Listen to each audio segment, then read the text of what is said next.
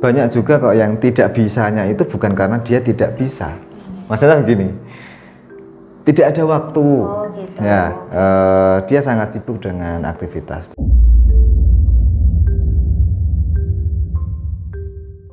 Eh, Oke kembali lagi di podcast kami Mbak Nasir Kita seperti biasa ada kesempatan ngobrol bareng sama Mbak Nasir Ya, Gimana Mbak Nasir kabarnya baik ya? baik, alhamdulillah sehat.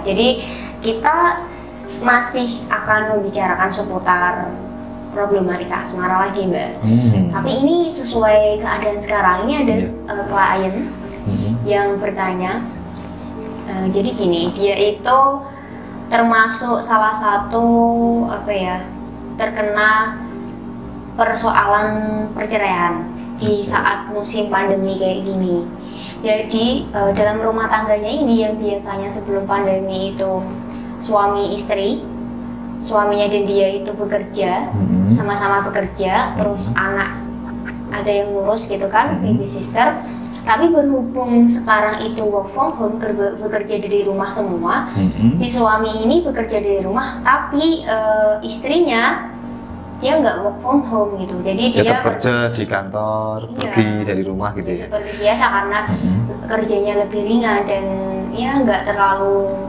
terkena kolab lah perusahaannya gitu Oh, Jadi- berarti yang jaga suami di rumah gitu. Iya, jadi yang jaga anaknya, Jaga yang anak. masak, jaga rumah semuanya dilakukan oleh suami, Iya, iya. gitu kan. Terus setelah itu per- persoalannya itu, ketika si istri pulang, ternyata rumahnya itu masih berantakan, Mbak. Terus anak belum dimandiin, terus Hmm. makanan belum ada, keadaan istri pulang capek, gitu Oh. kan, melihat keadaan kondisi rumah kayak gitu, apalagi Hmm.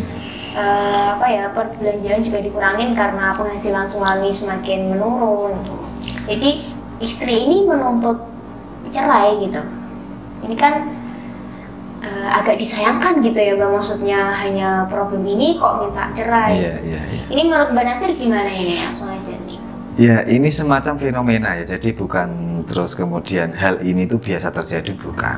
Cuman memang untuk kondisi saat ini itu eh, men- menuntut seseorang itu tidak seperti biasa.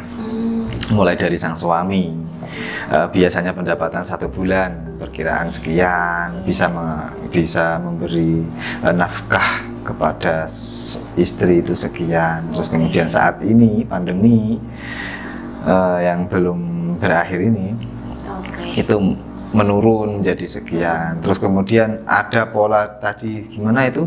Ada perubahan eh, Aktivitas di- yang di rumah. iya Nah itu sangat pengaruh.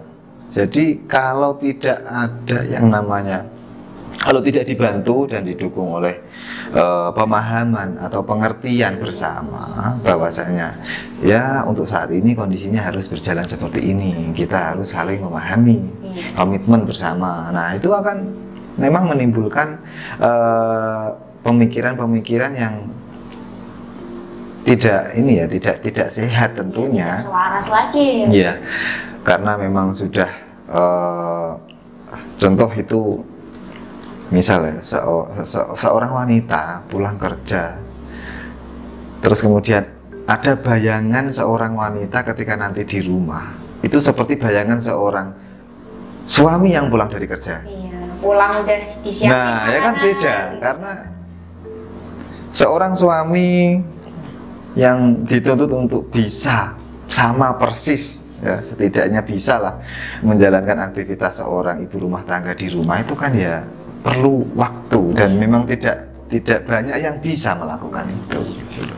Kalau si wanita ini tidak memahami kondisi seperti, kondisi seperti itu dan tidak bisa memberi saling eh, pengertian, pemahaman itu ya akan sangat repot dan bisa sangat memicu eh, pertengkaran ya menjadi pertengkaran dan sampai bisa menjadi perceraian gitu. Jadi tipsnya itu harus saling pengertian. Saling pengertian bahwa apa ya eh, masalah kecil, masalah besar, sedikit banyaknya masalah itu harus dijalani bersama-sama dan juga harus saling berkomunikasi nih. Misal eh, si bapak dan si ibu ini tukar aktivitas ya tukar aktivitas itu ya harus benar-benar saling mendukung misal Iya. si ibu yang biasanya menyetrika ngepel apa. Ya si ibu ini bilanglah kasih yang paling minim misal eh, setidaknya rumah di dalam bersih atau rapi udah cukup. Nah itu kan sangat membantu. Nggak nggak terus kemudian harus semuanya seperti seorang ibu rumah tangga Iya, ya kan wajar saja wajar itu kan kebiasaan laki-laki kalau nggak gitu ya misal dibagi tugas kan bisa Hmm. istri yang masak suami Ya. yang bersih bersih Ya, di samping itu juga untuk hal spiritual juga perlu sih, sangat-sangat perlu. Jadi eh, kekuatan batin, keyakinan itu harus selalu dibentengi, selalu diperkuat ya. Entah itu dengan amalan-amalan tertentu yang menjadikan eh, kita itu bisa eh, saling setia. Oke. Nah itu kan yang tadi ya secara lahiriah. Kalau Hmm. semisal secara batinnya apa mbak? Kalau secara batiniah atau secara spiritual ya bisa mengamalkan suatu amalan atau menggunakan sebuah sarana spiritual. Oke. Misalkan yang eh, di layanan saya itu ada tali roma, ya, tali roma.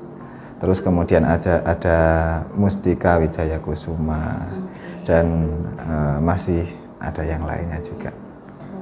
Nah itu eh, untuk penjelasannya ya saya tidak bisa banyak ngobrol di sini ya. Iya. Silahkan langsung ke apa melihat di website saya saja. Itu sih saran saya bisa menggunakan sebuah sarana untuk menunjang untuk membantu supaya batiniah kita dan juga batiniah seorang entah itu suami atau istri ya itu bisa saling mengeratkan ya, saling menjaga saling melindungi. Jadi tidak malah menjadi semakin bubar begitu. Loh hanya sekedar masalah ya sekedar mungkin yang sering yang sering terjadi itu kalau di rumah tangga itu salah paham. Oke. miskomunikasi gitu. Ini bisa dilakukan siapa siapa pun ya maksudnya dari pihak istri ataupun suami Hmm, bisa ya. hmm, malah kalau lebih bagus itu dari kedua-duanya Kedua-duanya. Nah, itu malah sangat bagus Tapi kalau dipikir-pikir kedua-duanya niat pengen itu jadi kan Hmm. sebenarnya udah udah ada niatan pengen baik semua Hmm. nggak ada yang dipermasalahkan Iya. kalau dua-duanya. tapi kan dengan adanya sebuah sarana ya misal itu adalah perwujudan sebuah sarana atau dengan dengan adanya sebuah amalan kan tentunya akan Oh gitu. menambah tidak hanya sekedar yakin saja Iya. kan begitu jadi akan semakin bertambah semakin kuat Ada reaksi mungkin setelah ciri-ciri orang yang Hmm. menggunakan itu nanti reaksinya seperti apa? Untuk reaksi itu lebih ke ini arahnya itu ke apa ya? Bisa menahan emosi, tidak tidak mudah marah. Terus kemudian pikiran itu tidak mudah termasuki pikiran-pikiran yang negatif. Oke. Jadi terjaga dari sesuatu yang negatif gitu dari mulai dari pikiran ya eh, bisa lebih bersabar gitu. Jadi nggak harus dilakukan misal kalau ada yang mau menggunakan eh, sarana ini Mm-mm. itu apakah harus orang harus butuh orang yang ahlinya atau si istri atau suami sendiri yang bisa melakukan ritual itu? Kalau kasus seperti itu ya memang ada se- sebagian tapi Iya. sebagian kecil kalau eh, sampai benar-benar di eh, klien itu tidak bisa Iya. tidak. dan banyak juga kok yang tidak bisanya itu bukan karena dia tidak bisa maksudnya begini tidak ada waktu Oh gitu. ya eh, dia sangat sibuk dengan aktivitas dia Iya. terus kemudian eh, kalau misal mengamalkan atau terus kemudian eh, meritualkan sesuatu itu tidak ada waktunya jadi ya Bakal memakan waktu yang pentingnya tadi Nah, ya. gitu. jadi nggak nggak bisa eh, nggak bisanya orang tersebut itu gara-gara sibuk sibuk dan ada aktivitas yang lain yang lebih jadi itu boleh diwakilkan ya ya bisa. Nggak mengurangi fungsi ya maksudnya? Kalau diwakilkan itu reaksi fungsi nggak? Nggak. Oh, gitu.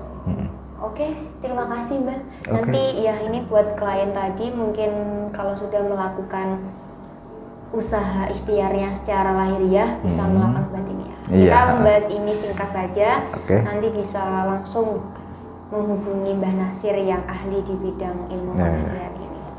Oke, terima kasih untuk waktunya Mbah Nasir. iya sama-sama Eh, next time kita akan lanjut di Oke. podcast selanjutnya masih bersama Mbak Nasir.